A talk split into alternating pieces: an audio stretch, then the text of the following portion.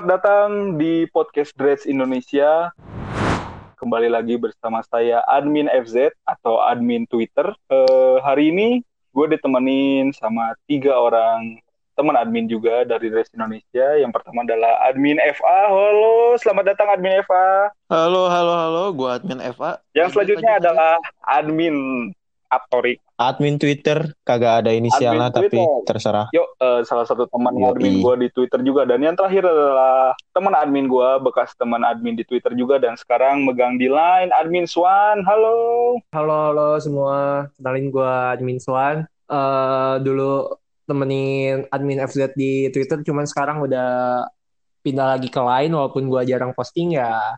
Bagian sambat gue biasanya Jadi eh, malam ini kita bakal ngebahas sedikit bahasan, sekaligus ngegibah juga soal trio Firmansah. Firmansah, Sah, Sah, Yes. Manfir. Apalah itu pokoknya trio Salah Mane Firmino yang selama eh, udah Firmino. dua musim atau tiga musim terakhir ini selalu menjadi tumpuan. Tiga. Ya, tiga musim terakhir selalu jadi tumpuan di lini depan Liverpool. Nah, yang pertama yang gue selalu bingung nih kenapa sih Jurgen Klopp tuh eh, apa ya sayang banget gitu dan nggak tergantikan banget trio dari Firman Sah ini kenapa sih apa sih alasannya kenapa Jurgen Klopp selalu mempertahankan trio ini selama tiga musim terakhir Kalau gue ya, ya menurut gue sih hmm, gimana gimana pas yang per- yang paling pertama karena ketiganya itu attitude-nya bagus banget kalau kata gue. Iya, betul.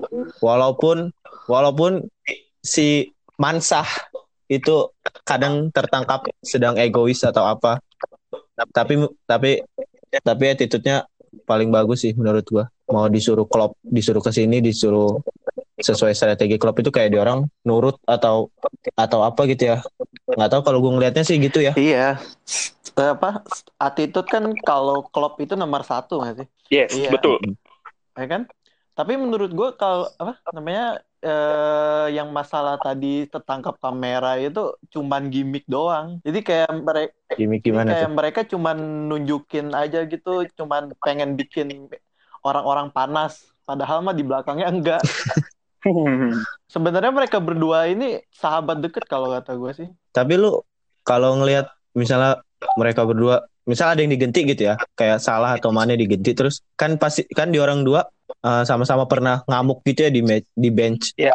Kayak panik gitu nggak Iya, sih? ta- Takut kerusakan iya, tim. tapi itu kan kayaknya wajar sih kalau misalkan lu gitu lagi lagi pengen apa namanya, lu lagi pengen nge- ngeberikan sesuatu penuh gitu buat tim, lu udah greget pengen nyetak gol tapi tiba-tiba diganti, ya wajar lah lu marah. Iya sih. Tapi ya paling itu profesional lah.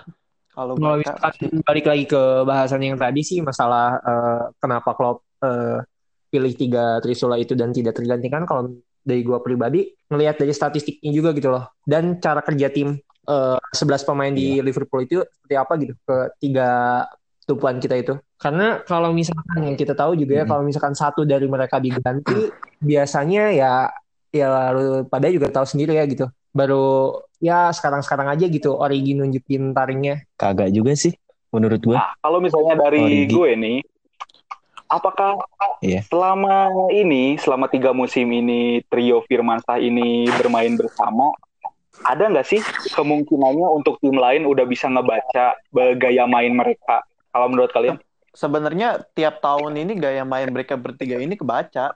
Tapi Iya. Klopp Hmm. ini kesannya kayak dia itu muter-muter perannya gitu.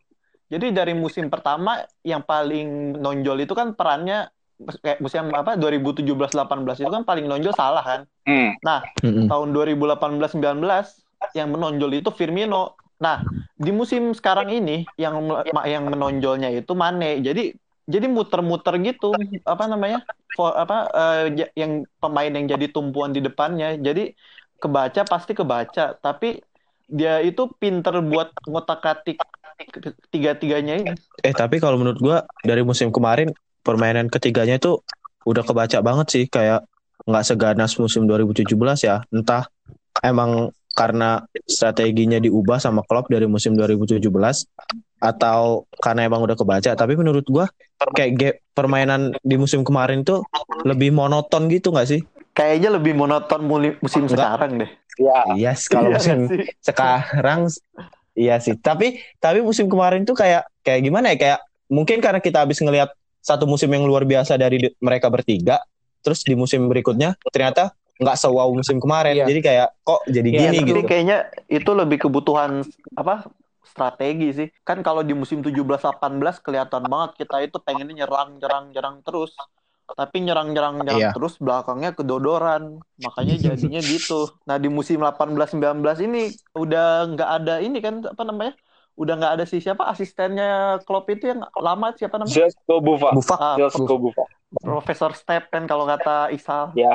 Makanya jadi sebenarnya peralihan dari snack apa dari si Bufa ke yang sekarang si Pepijen ini sebenarnya kayaknya di 2018-19 ini jadi jadi kayak peralihan gitu. Jadi makanya kelihatannya ekspektasinya dari 2017 18 apa 2017 18 ke 18 19 itu nggak terlalu bagus di 2018 19 uh, itu gara-gara peralihan dari pelatih juga sih kalau menurut gue. Jadi peralihan dari asisten pelatih dari Zesko Bufak ke uh, Pepi Slinder itu berpengaruh banyak buat uh, performa trio Firmansa di lapangan yang jelas. Ya? Iya betul. Iya. Nah, mm -mm. Kalau gitu berarti apa dong yang bisa bikin mereka tetap kelihatan spesial uh, meskipun udah ada pergantian asisten manajer dari Zesko uh, Bufak ke Pepi Slinder dan juga apa sih kekurangannya yang bikin trio ini mungkin bisa dibilang semakin ke sini makin gampang dibaca pergerakannya atau penampilannya di lapangan? Kalau menurut gue sih apa di tiga pemain ini kan mereka itu pemain penyerang ya. Tapi ya. mereka nggak nggak nggak ada yang punya Iyalah. naluri insting buat nyetak gol itu. Nah, jadi gimana tuh insting cetak gol? Tapi kan sebelumnya di beberapa musim terakhir Salah dan Mane itu selalu masuk dalam jajaran top skor di Premier League itu sendiri. Nah, itu gimana tuh? Gimana ya? So soalnya kan dari si sebenarnya uh, Liverpool ini kurang jadi kurang pemain yang bisa jadi goal getter gitu di tengah mereka. Makanya di musim sekarang ini kan makin kebaca, jadinya makin kelihatan oh Liverpool itu kurang yang namanya goal getter. Jadi sosok-sosok hmm. striker murni yang kurang yeah. di dalam tim Liverpool saat ini ya. Iya. Tapi kalau misalkan bahas murni, tapi di lini depan kan ada nama Origi sama Firmino tuh itu gimana tuh? Waduh, Origi lagi. Origi. Origi gimana striker ya? Striker lengkap, titisan dewa. Origi musim 18-19 dia kejatuhan apaan sih gila itu kayaknya. Bener-bener bener-bener ibaratnya dia di musim 18-19 itu kayak gimana ya? Kayak tiba-tiba kejauh kejatuhan apa gitu jadi jago banget. Lagi wangi, tapi, lagi wangi. Iya, tapi golnya itu emang kelihatan hoki, tapi sebenarnya skill yeah, gitu. Yeah. Uh, long drive shotnya dia itu serem banget, men. Itu gue nggak pernah lihat aja bahkan Messi, Ronaldo ngelakuin long drive shot seserem itu juga nggak pernah lihat sih gue. Tapi justru sosok kayak di Origi ini yang sebenarnya dibutuhin Liverpool di, di Origi 2018-2019 ya, yang dibutuhin Liverpool di saat-saat buntu. Iya, iya. Jadi tuh. di saat nggak nggak ada apa nggak ada ta ketajaman dari depan, udah mulai monoton nih serangan di menit 60 atau 70 masuklah Origi. Mm -hmm. Ngasih penyegaran dari depan bener gak sih? Iya, tapi eh yeah. di musim ini kurang kelihatan gitu perannya daripada musim kemarin. Iya. Yes. Efek dari rambutnya dicukur gak sih? rambutnya yang kayak pel itu udah ada lagi sih. Yang kayak rambutnya yang kayak pel itu udah dicukur jadi botak eh, jadi nggak botak sih jadi rapi jadi lagi. Zaman iya. waktu dia dipinjemin ke Wolfsburg. Kayaknya harus dipinjemin ke Wolfsburg lagi dah. Jangan dong. Biar rambutnya numbuh lagi gitu. Kagak. Tapi okay. di ini tuh kalau dia sekarang terus uh, bikin gol tuh kalau kata gue ya, lu pada ngeh nggak sih? Aneh-aneh cuy, golnya maksudnya beragam aja gitu. Kadang-kadang waktu lawan lawan siapa ya? Yang dia masuk terus lewat sundulan gitu. Newcastle, ya, Newcastle. Jang, iya. Nah, iya. Itu. Eh, kan ada ya. kan ada quotes-nya.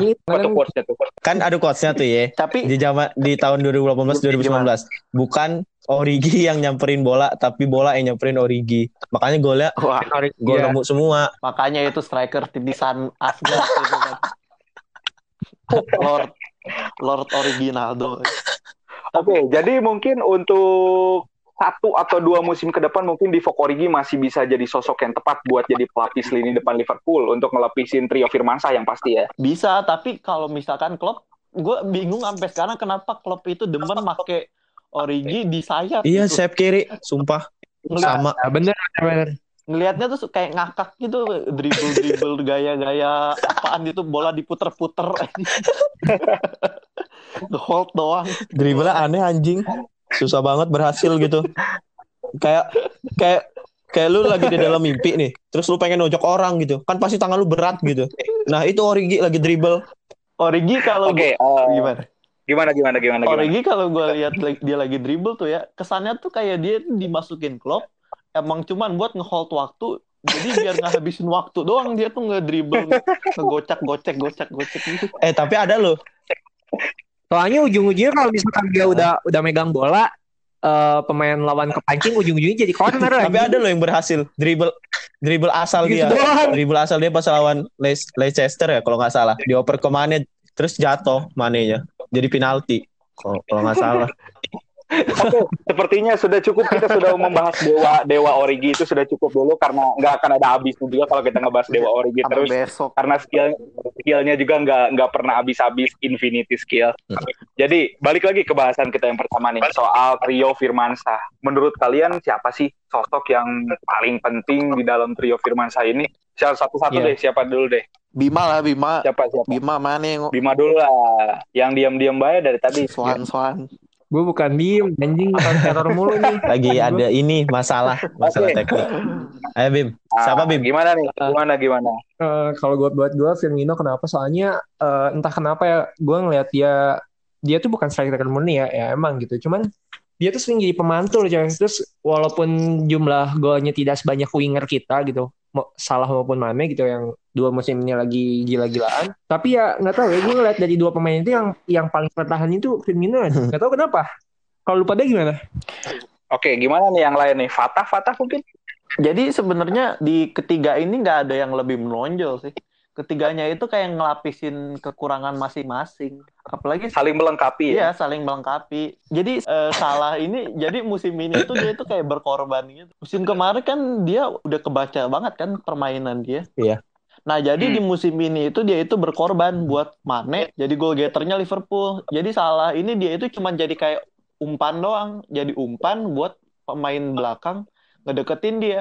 Mm-mm. Jadi biar salah sama Firmino sebenarnya bisa bebas, bisa nyet, bisa bi- bebas nyetak, bisa bebas kreasi, biar bisa bebas nyetak gol. Tapi kalau misalkan ngomongin siapa yang paling penting, kalau kata gue Firmino. Nah, Ya, gue juga Firmino. Tapi kalau kalau ngelihat permainan permainan beberapa musim, sebenarnya gue lebih milih Mane sih. Soalnya Kenapa tuh? Kenapa? tuh? soalnya di beberapa naik ya. Iya, dia itu orangnya kayak konsisten gitu. Konsisten terus orang yang enggak ya pernah sih turun tapi daripada di- daripada salah sama Firmino, kalau ngeliat Mane tuh dia tuh lebih konsisten daripada salah sama Firmino. Jadi kalau gue misalnya di- misalnya disuruh milih eh, di dari tiga ini siapa yang nggak bakal lu genti? Kalau gue bakal Mane. Soalnya si Firmino di misalnya di digenti gitu perannya sama Origi. Oke. Terus kalau salah diganti perannya sama Shakiri. Oke, tapi kalau Mane gue nggak nemu gitu satu orang yang bisa gantiin peran Mane. Sama Rigi. Anjing enggak, Sama Origi Rigi. enggak. Kagak.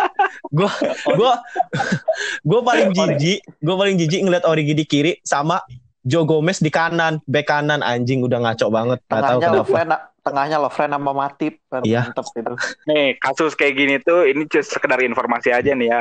Sama kayak kasusnya waktu Brendan Rodgers masih ngelatih Liverpool waktu itu waktu dia pertama kali beli Firmino dari Hoffenheim. Mm-mm. Waktu itu Roberto Firmino itu kenapa eh, di satu musim atau separuh musim pertama dia gabung Liverpool itu tampilnya nggak konsisten dan jelek banget. Iya. Karena dipasang jadi sayap kiri sama si Brendan Rodgers yang pusing itu dia dipasang di sayap kiri. Itulah kenapa permainannya nggak keluar sama sekali dan pas dipindahin sama Klopp ke jadi gelandang serang dan juga striker performanya naik banget. Keren banget sekarang kan. Jadi penting banget perannya Mm. meskipun dia diplot jadi striker tapi dia nggak pernah ngegolin tapi dia jadi kreator Iya. bikin gol Tapi Firmino Iya kan? pernah jadi Penting, striker kan? murni juga kan? Kalau nggak salah dia.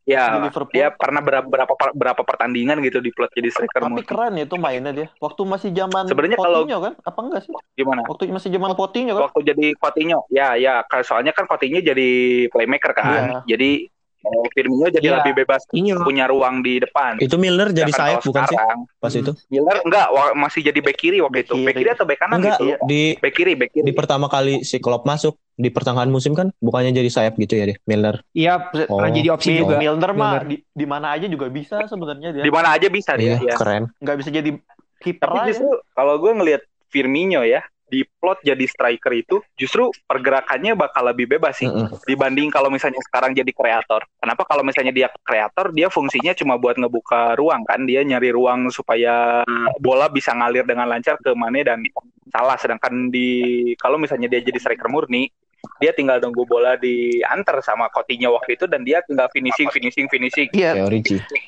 Tapi kalau musim sekarang kenapa Firmino kayak kehilangan touch-nya gitu ya? lu Nah, pada itu lihat, yang masih Iya jadi pertanyaan lu sih. pada lihat deh. Terutama di Lu lihat Terakhir, Firmino nih depan gawang nih, megang bola. Gue kayak kurang yakin gitu dia bisa nyetak gol sekarang gitu. Apa gara-gara dia kebanyakan mikir gitu?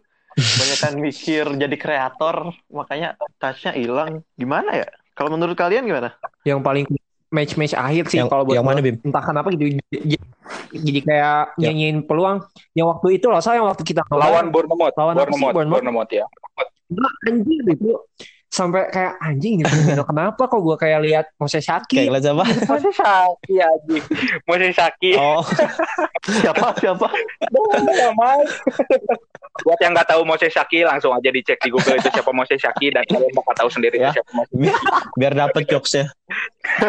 Oke, nah gue sekarang agak ini sih kayak sempat dari tadi kan ngomongin Mane, Salah, Mane, Salah, Nah, agak kepikiran dikit nih. Kemarin-kemarin kan sempat tuh eh, Mohamed Salah tuh sedikit agak di gimana ya dicibir di awal musim.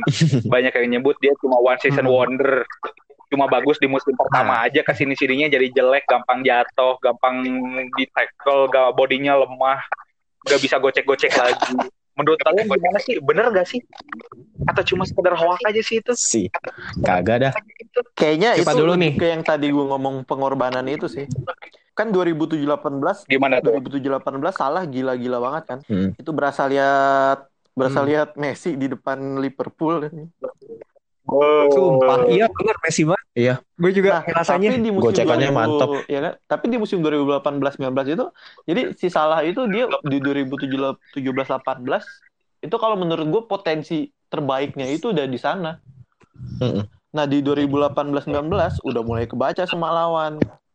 Jadi Iya. jadi dari mulai situ sampai sekarang dia ngorbanin diri yang tadi kata gue bilang dia jadi umpan buat di si, si Mane sama si Firmino bisa lebih leluasa. Jadi lawan pada ngejagain dia terus sementara eh, yang lain kosong. Iya. Oh, kalau gue ya eh, kenapa salah banyak dibenci terutama maksudnya bukan dibenci sih ya lebih ke Kesel ya? ah salah mah ganti doang dipandang ganti aja sebelah gitu. mata, Iya, dipandang sebelah mata. Heeh, kayak gitu justru ya karena itu gitu karena di musim pertamanya dia udah maksudnya gini loh kita pas dia datang gue tanya ada sama lu pada ada gak sih ekspektasi salah untuk menyamai Messi waktu itu Enggak. enggak kan Enggak, enggak. Enggak sama sekali. Nah Samsung. iya, nah iya makanya ekspektasi itu kita yang ngebunuh kita. Maksudnya di di musim selanjutnya tahunya salah tidak segacor itu. Tapi segacor ini. Alamak. Oke. Oke, mungkin dari gue sedikit nambahin aja yang kata Bima tadi ya. Mm-mm. Mungkin kalau misalnya gue ngelihat eh, ke belakang, kenapa sih orang-orang nggak berekspektasi lebih melihat Mohamed Salah waktu dia pertama kali datang ke Liverpool? Karena mungkin bandrolnya itu nggak terlalu mahal, nggak semahal pemain-pemain lain. Model siapa ya? Siapa? Eh, siapa nih? Siapa siapa yang mahal? Yang mahal dong kasih dong Dembele, Dembele, Dembele. Dembele, Dembele. Dembele, Dembele boleh boleh boleh. Nah, misalnya kayak Dembele. Jadi orang-orang ekspektasinya oh mungkin cuma winger biasa gitu bakal main ya sewajarnya Stewart Downing dulu main dari lagi. Anjing. Terus juga ngelihat fans Liverpool mungkin tahu ya kalau misalnya Liverpool itu nggak terlalu akur sama pemain-pemain dari Liga Italia. Kita belajar aja dari pemain yang dulu Aquilani, Fabio Borini, Iya. siapa lagi ya, Dostena yang penampilannya ya bisa dibilang standar enggak, bagus aja. enggak, jelek juga enggak, ya B aja lah gitu. Mm-mm. Apalagi ngelihat yang terakhir datang dari Roma Fabio Borini. Oh. Fabio Borini nggak nggak nggak nggak bagus, nggak bagus ya emang nggak bagus gitu. Nah, jadi mungkin itu yang bikin orang-orang berekspektasi Iya. kurang kepada Nah, sosok Mohamed Salah ini. Abis itu salah gacor, kita ngelihat dia kayak ngelihat Messi, ekspektasi kita ketinggian. Nah, itu. Nah, itu. Padahal Ya, terus- dia cuman Di, di saat Mohamed Salah tampil agak turun sedikit tuh orang-orang langsung ngejudge dia, Iya, bener itu. gak sih? Ya yang benar. gua nggak nggak suka Ah. banget itu. Tapi yang bikin nambah kayak gedeknya itu karena apa sih salah di dalam lapangannya itu kali ya di musim-musim eh di musim kemarin kan kayak sering ketangkep gitu loh dianya sering marah-marah sendiri gitu-gitu sering frustasi sendiri kayak kayak zaman-zaman Ronaldo marah lah di di lapangan pasti disorot Media. terus jadi, Jadi makanan orang-orang- media. Jadi orang-orang kesel. Nah, terus ini ya, kalau ngelihat Mohamed Salah itu di musim ini ya, khusus di musim ini aja, atau mungkin sama musim kemarin lah. Salah itu kelihatan kalau dari sudut pandang gua nih, Hmm. yang sering nonton gitu, nggak nonton secara langsung ke Anfield ya, cuma nonton di TV Amin, amin laptop. nonton. Salah, amin, depan amin, bareng. amin. Nah, salah, salah ini kelihatan jadi Iya. lebih egois gak sih? Iya, iya. Makanya banyak yang kesel gitu. Selain dia emang performanya nurun, terus dianya egoisnya gitu. Tapi coy, pengen nanya nih gue sama lu pada. Ini ya Hmm. salahnya Lois atau Boleh, emang boleh. back lawan yang udah bisa ngebaca? Soalnya tahun-tahun kemarin kan kita tahu ya maksudnya lu anjing kalau misalkan udah lihat salah ancang-ancang mau flashing nih.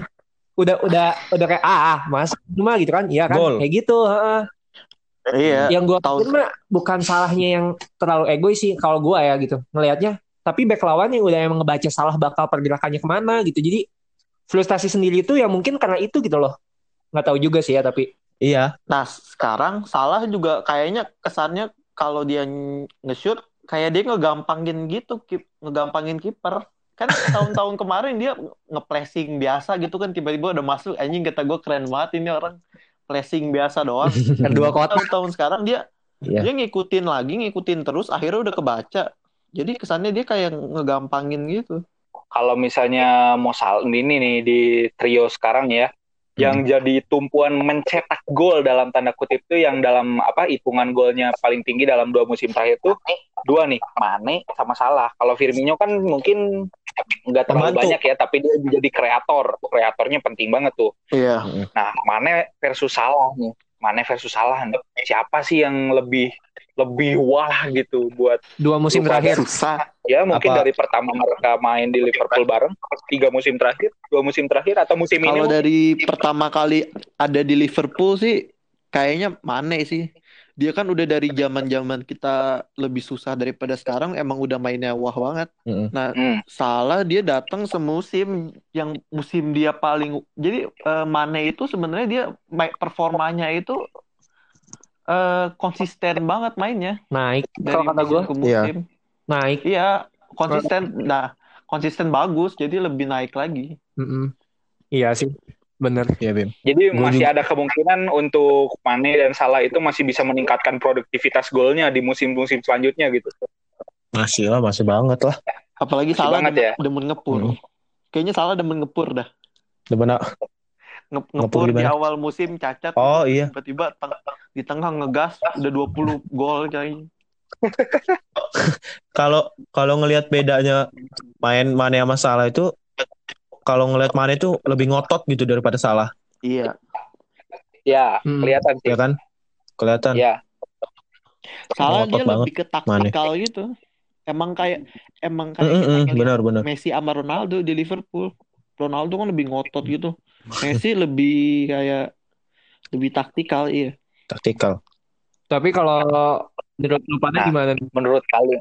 Nah, gimana gue gimana nanya aja gimana? soal soal pendapatnya. Eh, kan kata lu pada masih patut banget untuk dipertahankan, untuk diandalkan gitu ya. Tapi apakah Mm. butuh saingan yang sepadan dalam tim gitu untuk dua orang itu? Nah, iya itu yang Sebenarnya- mau gua tanya itu siapa tuh? Sebenarnya Syakiri kalau dia sehat bet- betisnya kayak betis orang normal. Anjir. Sebenarnya dia Emang ken- kenapa betisnya bingkeng emang jalannya ini dia dia bermasalah. terakhir gua nonton bola dia masih bisa lari ya agak pengkor kakinya Emang apa sih? Emang beneran cederanya gara-gara betis? Betisnya Iya. betisnya kegedean. betis, iya. otot betisnya ya. Oh. cedera. Enggak, tapi apa tadi? Tapi dia Sakiri itu badannya gempal banget otot semua. Dia jadi kalau misalnya kelihatan dari jauh tuh, uh, kayak ini kayak bola gitu, bola bawa bola gitu, bulat aja Kayak gitu binara. Bogel. Tukang angkat besi, tukang angkat besi kan Iya, pada kayak gitu ya. Angkat besi apa? Tukang ini, tukang bangunan, angkat Atlet, besi. atlet. Oh, atlet. Angkat ini bukan angkat besi dong. Apa namanya? Angkat beban. Angkat besi juga Angkat bisa besi. anjing. Ya, nyambung lagi Iya, tadi si Akiri. Ah, gimana tuh Sakiri tuh? Sem- Sakiri, angkat besi, Sakiri. si Gimana, gimana, gimana, gimana? Jadi pesaing si Mane sama Salah ini. Coba co- co- coba lu lihat deh Tapi- Barca lawan Barca gitu kan. Nggak ada dua-duanya mantep banget mainnya. Enggak, ah, gue dia setuju tapi kalau kayak Waktu gitu. Mas- lawan Everton Sama, nyetak gol kan? Iya, ber- Iya Brest, dua. Brest Eh satu apa dua sih? Satu ya? dua-dua kayaknya. Nggak tahu dah. Dua ya. Hmm. Tapi Gua- justru gua yang ya. paling berkenang di pikiran gue nih ya soal Shakiri itu justru waktu ya. lawan MU Heeh, musim bener. kemarin kalau nggak salah ya. Musim Yang kemarin dia cetak dua gol, cetak dua gol. Super sub ya. kayak dia hoki super nggak sub. Ah, Golnya kayak kayak gol hoki. itu mantep. sih. Kayak emang Liverpool udah takdir menang gitu aja. Mantul ya. Yang Bukan Ya, takdir lo- menang, bukan takdir menang. Emang musuhnya aja yang lemah. Dua-duanya. Lawannya juga MU kan? Dua-duanya. Oh, MU, MU kan lemah. Iya. Gak usah mancing-mancing gua pengen sambat anjing ah. Aduh, udah, udah, udah, udah cukup yuk. Udah, udah, gak usah bahas MU lagi yuk. Gue juga nggak lagi nggak mau bahas-bahas panjang soal Ntar tim ada khusus juga. ya. Gue mau mau nambahin Shakiri dong. Boleh, boleh, boleh. Ya kan yang dibilang Fata tadi sebenarnya Shakiri bisa jadi pesaingnya Salah sama Mane. Menurut gua kalau Shakiri itu standar standarnya cuman sebagai pelapis gitu. Kalau untuk nyaingin sampai apa ya sampai kayak mau ngerebut posisi salah gitu, kayaknya nggak bisa deh. Kayak emang cuman perannya itu emang cuman sampai sebatas Iya sih. jadi betul. pelapis aja gitu nggak nggak bisa bikin nggak bisa bikin Mane sama Salah itu kayak ngerasa aduh aduh akhir pekan eh, aduh akhir pekan yang main Heeh. gua apa Sakiri ya gitu pasti pasti tetap salah sama Mane itu juga syukur-syukur Sakiri main di babak kedua paling Milner Tapi yang masuk misalkan sama Lovren. sehat, dia bisa cukup bikin lawan pusing. Aduh nih, Syakiri apa, iya babak kedua nih klub masukin Syakiri kagak nih perubahan perubahan for- formasi dong. Ada yang lebih bagus lagi formasinya. Iya Iya, tapi ya standar pemain dari stok Citi sih kayak Anjing, Adrian Adrian. sekarang. Biasa-biasa aja gitu. Biasa-biasa aja. Nggak wow. Nah, berarti kalau misalnya sampai sa- seorang Sheridan Shakiri pun yang pernah jadi super sub-nya Ribery sama Robben di Bayern pun nggak bisa menyaingi trio Firmansyah ini, jadi menurut kalian trio Firmansyah ini trio terbaik di dunia nggak sih? Untuk saat ini berlebihan nggak kalau misalnya kita nyebut mereka sebagai trio terbaik saat ada lawan gak sih? Paling lawannya siapa? Martia apa? nggak ada Martial nggak ada lah Rashford Greenwood Aduh, udah, udah, yuk, udah, yuk, gak usah bahas itu, gak usah bahas itu, tolonglah, udah. Kita juga nggak di endorse sama MU loh di sini loh, tolong lo buat teman-teman pendengar loh. nggak ada. Iya sih. Untuk sekarang kayaknya nggak ada saingan deh. Jadi yang bisa terbaik, dibilang terbaik ini, ya terbaik saat Dari ini nih. pandang kita fans Setuju. Liverpool ya. Nah, Kayaknya di sudut pandang fans lain juga bakal bilang gitu sih, trio terbaik. Siapa lagi Siapa? coba? yakin emang lawan pada ngomong trio terbaik. Oh iya, pasti tiap nobar, uh ini trio terbaik, ini trio Soalnya terbaik, siapa ini lagi? trio terbaik. Itu yang sebelah ntar ngambek loh, sebelah ntar ngambek loh. Bagusan Eh, Marcus udah, udah, udah. bagusan. Udah, udah. Lu bilang udah. Oke, cukup, cukup. Nah, gini nih, balik lagi nih ke trio Firmansyah yang katanya kan terbaik nih di dunia saat ini. Kita agak flashback deh ke beberapa tahun ke belakang. Di Barca ada trio ma- apa Messi, MSN. Suarez, Neymar. Waktu itu golnya ya MSN udah cetak golnya hampir ah, udah ratusan ya kalau nggak salah ya, Iya. udah nembus ratusan nggak sih? Bisa jadi. bisa. Ya nembus ratusan. Nah, kalau misalnya dibandingin antara MSN sama trio Firmansyah saat ini, itu gimana tuh? Apakah pantas mereka dibandingkan siapa yang lebih baik sih? Kayaknya masih bagusan trio mereka nggak sih? Apa tadi MSN? MSN ya? Iya gue juga ke MSN sih. dilihat dari raihan tropinya juga terus dominasinya mereka cuman selama beberapa tahun itu gila banget dominasinya itu tiga tiga tiganya kan juga Mm -mm. ya salah satu yang terbaik di dunia kan udah gitu kan waktu Iya, itu satu. juga saingannya ada yang trio Real Madrid juga kan Wah. BBC BBC, BBC. iya BBC. jadi kalau dibandingin sama mereka Ntar dulu gue mau nanya dulu deh. BBC itu Benzema, Bale, Carvajal kan? Waduh. Wow, wow. wah Wow ya. Benzema, Bell, Casemiro. Oh, Casemiro. Ternyata seorang striker ya Casemiro ya. Aduh, udah yuk, udah udah nggak usah Balik bahas mulu. itu, yuk, udah yuk. MSN lagi, MSN lagi yuk, MSN lagi yuk, udah nggak usah nyambung ke situ lah. Gua Iya. gua pilih MSN Kenapa tuh? karena lebih garang gila, lebih wow.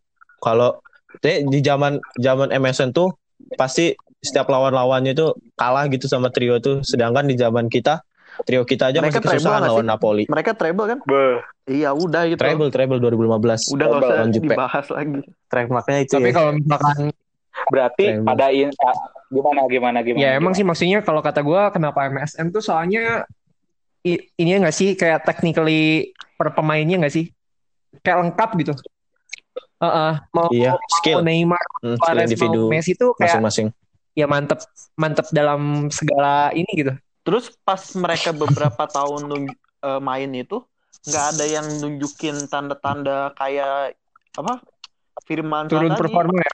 iya yang kat, yang terus juga Hmm. kat- kata lu ada Iya. yang disorot media kayak tiga-tiganya jadi frustrasi gitu j- terus jadi menunjukkan keegoisannya di di trio MSN itu nggak ada padahal tiga-tiganya Nah. itu nominasi Ballon d'Or eh sebenarnya Hmm. mereka juga sih Firmansyah juga kan Firmansyah juga nominasi Siapa? Ya paling paling attitude-nya jelek si Iya, Neymar. tapi waktu yang jelek kan attitude-nya. Neymar nggak sejelek sekarang sih. Waktu masih zaman zaman dia masih polos kan waktu zamannya waktu MSN Lolos. masih polos nih. baru dibeli dari itu kan, baru dibeli dari mana? Santos. Iya kan? Santos, Santos. Iya. heeh. Kalau dari gue sendiri nih ya, sudut pandang pribadi kayak gue nambahin dikit aja nih. Mungkin trio MSN di Barcelona itu, kalau misalnya gue lihat Barcelona saat itu sangat tergantung dengan trio MSN. Tapi untuk. Liverpool di Liverpool trio Firmansyah itu eh, Liverpool nggak tergantung sama trio Firmansyah. Kita bisa bikin gol dari mana aja loh. Bisa lewat Wijnaldum, kita bisa lewat eh, dua wingback kita yang cepat-cepat tuh kita bisa bikin dari situ. Mungkin kalau misalnya set piece tendangan pojok juga masih ada Virgil van Dijk yang bisa bikin gol lewat Matip- eh, Matip juga bisa, bulan. Itu yang jadi Jangan kreatif. lupa Chamberlain. Nah, Matip juga bisa. Wih. Gila Chamberlain. Chamberlain. Nah, Liverpool tuh punya banyak apa ya punya banyak opsi untuk mencetak gol meskipun meskipun trio Firmansyah ini adalah tumpuan utama tapi gol Liverpool itu nggak cuma melulu dari Iya. mereka bertiga Iya. setuju nggak? Mm-mm. Belum Setuju. belum lagi Setuju. Robertson Eh, sekarang udah mulai-mulai nyoba-nyoba tendangan jarak jauh kan. Nah, itu lagi lebih serem lagi. Nah, Mm-mm. jadi pilihan tendangan bebasnya Nah, iya. makin banyak dong kalau gitu. Eksekutor Nah, itu tendangan bebas kenapa- makin banyak. Makanya MSN MS. sama Firmansyah nggak bisa dibandingin. Soalnya lebih ke opsi tim juga Hmm. lebih banyak di Liverpool. Beda. Berarti secara strategi Iya. tim lebih menang inilah Firmansyah. Ya kan? Le- kalau ngambil MSN, sisi iya, individu betul. ya MSN sih jelas. Jadi pada intinya masing-masing trio ini tuh punya kelebihan dan Betul, kekurangannya masing-masing, betul nggak sih? Setuju, setuju, setuju. Betul. Oh, MSN dengan MSN dengan individunya dan Firmansyah dengan kekuatan secara timnya itu Betul, sendiri, betul. merangkul timnya itu sendiri. Betul. Jadi kalau menurut kalian nih, ini ngawang-ngawang aja ya. Trio Firmansyah ini bisa kuat sampai berapa tahun lagi sih? Kira-kira apakah sampai tahun 2100 berapa sampai abad ke-24 atau kapan gitu? Atau Sampai Sampai Harvey kapan punya menurut kalian? eh Harvey Elliott udah ini udah jadi legenda. Legenda AC Milan. lagi aja. AC Milan lagi. Ditransfer gratis di tahun 2025. Be, gimana siapa tuh? mau duluan? Gimana gimana gimana? Menurut kalian nih gimana nih? Berapa tahun lagi sih mereka bisa bertahan sih dengan kondisinya yang Striker prima sih ya umurnya gini? juga udah mendekati umur ini kan. Ya udah mendekati umur tiga. Striker kuatnya sampai Tiga. berapa sih biasanya? Umur? Kepala tiga. Eh penyerang maksudnya. apalagi Firmino tuh sering banget lari kayaknya dia nggak bakal kuat sampai umur 35 gitu Firmino kecapean kebanyakan mikir itu kan ini kayaknya nggak kuat dah dia sampai umur tua gitu Jadi berapa menurut lu? Tah, Menurut lo Kira-kira. gimana? Sampai Kayaknya umur berapa? sih tiga dua tiga tahun lagi sih mereka bakal bareng. Udah gitu kan gak jauh lagi bakal ketemu yang Mm-mm. baru-baru lagi kan. Klopp udah nyiapin penggantinya. Yo, Penyegaran ya dunia yang kita depannya. ya. ngomongin di episode 2 kemarin juga. Nah, Yoi, dengerin ya. Yang belum Iya sih dengerin. kayaknya 2 sampai 3 tahun lagi ya. yang 2 Terus sampai 3 tahun pasti lagi. kalau kata gue sebelum Klopp cabut bakal bikin apa ya? Bakal bikin ramuan baru gitu gak sih? Maksudnya supaya kita nggak stuck-stuck sama Iyalah. itu itu doang gitu loh. Iya, iya. Pasti pasti. Iya. Pokoknya jangan sampai ja- jangan sampai Klopp cabut itu kayak pas Sir Alex cabut habis Klopp cabut jadi hancur gitu. Jangan sampai lah ya. Jadi Aduh, dikasih uh, dikasih susunan yang gimana ya? Kan pasti Klopp juga mikir sih bakal ke depannya itu gimana. Jadi semoga si Klopp sebelum cabut itu dia udah mikirin matang-matang ini tim uh, dalam lima tahun ke depan bakal gimana. Jadi nggak amburadul kayak rival kita yang lagi mainnya itu. udah yuk jangan nyambung lagi ke situ dong. Ayo dong. Enggak, gua gua ngomongin itu tapi kalau mau ngomongin eh tapi tapi balik ke ke bahasan yang tadi menurut gua cuman dua tahun Dua tahun. Bi- Dari Sebenarnya bisa jadi tahun. kayak tahun apa musim depan Iya. juga udah mulai-mulai retak. Ganti ya. Kalau misalkan Hmm. ada pemain baru datang, iya. udah mulai hilang yang namanya trio gitu lah Aduh, pemain pemain baru datang. Siapa tuh pemain baru datang tuh? TM, TM TM TM. Siapa tuh TM? TM eh iya TM RBL, RBL. RBL. Oke, TM dari RBL ya yang bakal join. Heeh. Aku ah betul banget. Takumi Minamino Oh, Takumi Minamino. Oke, Takumi Minamino. Ya, eh, lu yang ngedengerin sambil ngawang-ngawang. Eh, Nih, yang lagi lu yang lagi ngedengerin sambil ngawang-ngawang kepikiran striker Jerman inisialnya TM lu jauh sejauh-jauh lu kita punya TM dari Jepang. Takumi Minamino. Jangan halu, jangan halu, belum resmi, Atau enggak, belum resmi, santuy dulu. Thomas Muller, Thomas Muller. Aduh, Oh, iya. Thomas Muller mau yakin nih Thomas Muller nih kagak, udah kagak. tua loh umurnya udah udah kepala tiga loh Eh iya BTW si Klopp itu kontraknya sampai tahun berapa deh? Lupa gue. 2024 kayaknya ya. 2024 kan sih? berapa ya 26, dua kayaknya ya? 26 dah. ya dua empat ya Baru per, baru perpanjang. enggak anjir enggak enggak selama itu dua empat 24 24. 24. pokoknya dua empat nah lo libut lo libut lo Searching Google libut dah. kan kenapa bang Bim Eh, kagak usah suruh Eder saya suruh searching Google loh. nah gue mau sedikit ini nih sedikit off out of konteks nih nah kan Jurgen Klopp nih kontraknya denger-dengar nggak akan bertahan mungkin nggak akan sampai 10 tahun lagi bertahan di Liverpool enggak kan dia juga udah mulai berumur juga nah gue mau nanya dikit nih suksesornya Klopp siapa sih yang cocok menurut lu pada dah siapa tuh Eh Nagelsmann ya. Nagelsmann. Nagelsmann nggak tahu kayak suka aja gitu sama Belum ininya ada yang kepelatihannya. Hoffenheim ya enggak sekarang Oh, Leipzig Leipzig sekarang sekarang Leipzig ya Angkat legend. apa Mhm. Steven Gerrard Kata gue Gerrard bisa-bisa Iya. aja sih. bisa ngangkat ini nggak sem- tapi ngangkat legend maksudnya Semua jangan, orang nantiin sam- Gerrard. Sampai Ge- Gerrard itu dia sakin legasinya dia kayak Saunders, kayak model Saunders, model Iya sih, bener. model Neville gitu aja. Mm-mm. Kasihan kan Gerrard ntar. ya ya nah kan ini kalau misalnya suksesor pelatih nih udah nih ada yang pengen Nagelsmann ada yang pengen Steven Gerrard kalau misalnya gue pribadi sih pengen penggantinya ya siapa ya Pepij Wah iya Lindner itu sih. Yoi. karena karena mungkin dia udah tahu Ya. taktik Klopp gimana, udah tahu cara pikirnya Klopp gimana, mungkin dengan sedikit racikan-racikan ala dia sendiri dia akan memberikan bumbu yang baru di Iya. sepak bola Liverpool Atau- sendiri, benar gak sih? Atau si Hmm, Lee benar. terus jadi apa jadi asisten coach lagi di yang jadi coach si Buffak. Ah, Beuh.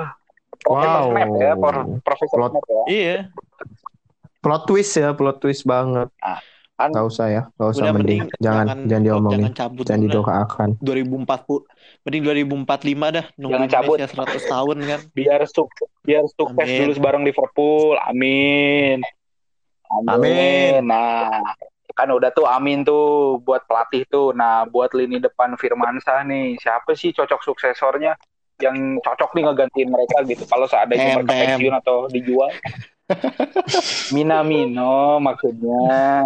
Kalau dari Wonderkid-nya sendiri gimana nih? Kata lu pada. Harvey kali ya. Harvey sih, iya.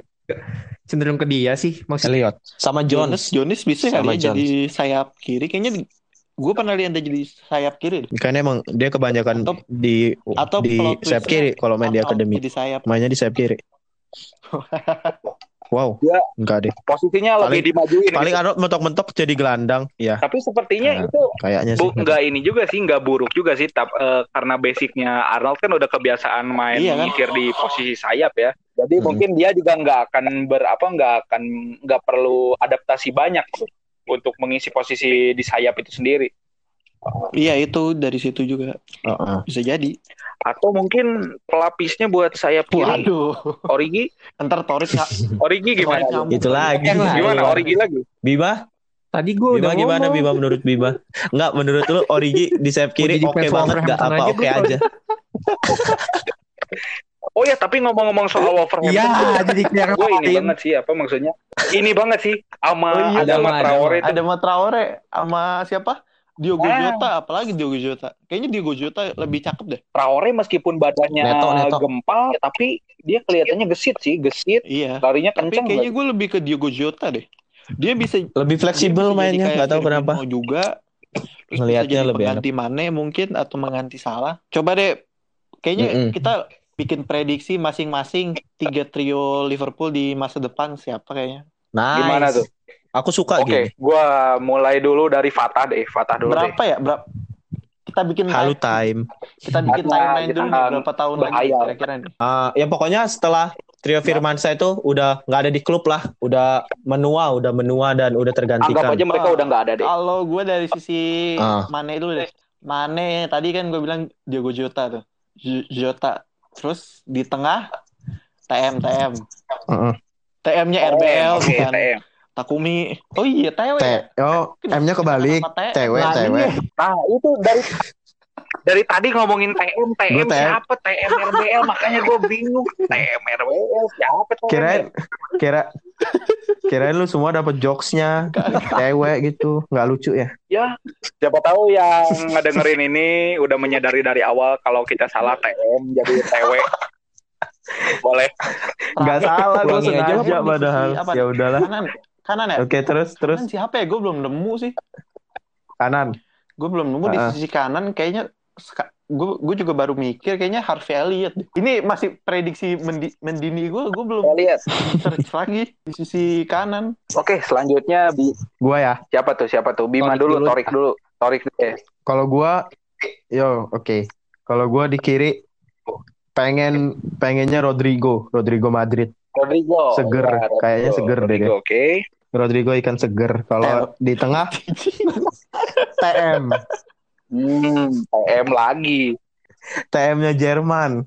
Terus kalau di Nah, kan kanan bingung dari tadi siapa kan. ya kanan ya? Iya di kanan tuh eh ini Di Bundesliga gue ada. juga nonton. Ya, Elliot aja deh. Belum ada yang Elliot.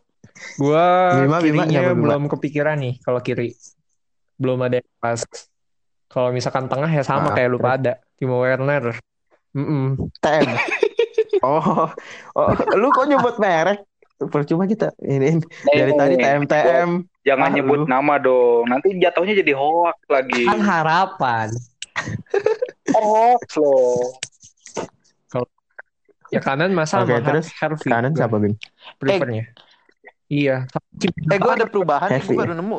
Lu Jadi- kiri gak ada pikiran siapa-siapa gitu? Panco, Sa- gua tapi kayaknya j- Panco, jauh ya. Panco.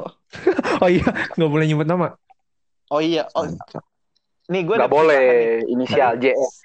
Tapi tadi dia sebut nama sih. Gue di sebelah kanan, se- sebelah kiri kan siapa tuh? Jota ya. Jota. Nah, di Ini sekarang gue di sebelah kiri. Jota.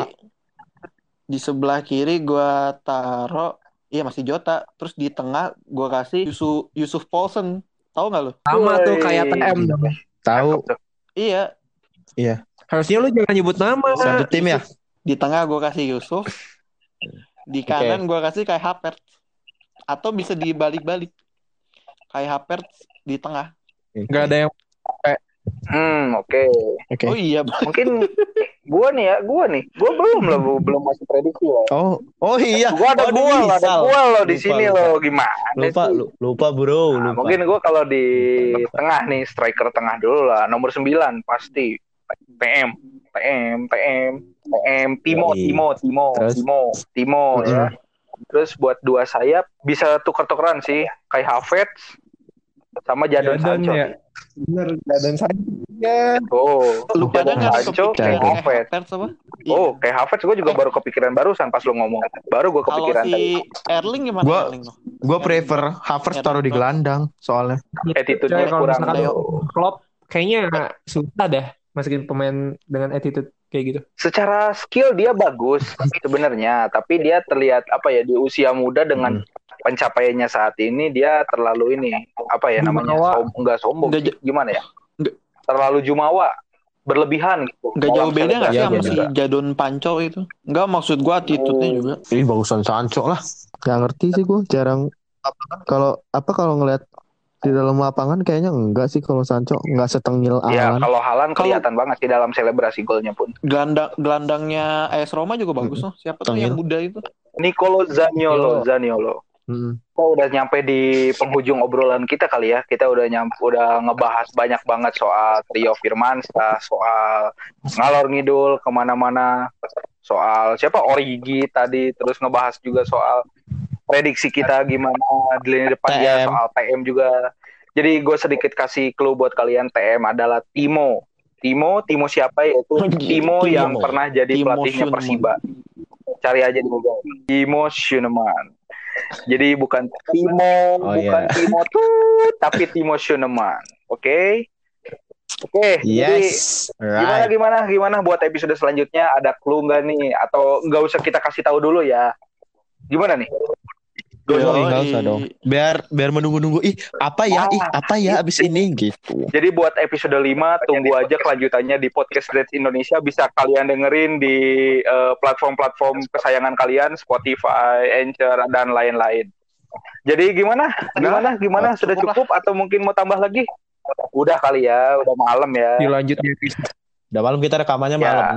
Oke, kalau begitu karena kita juga sudah sampai di penghujung podcast kita di episode 4 ini soal trio Firmansyah. Jadi gua admin FZ beserta jajaran admin yang lainnya pamit undur diri. Terima kasih telah mendengarkan.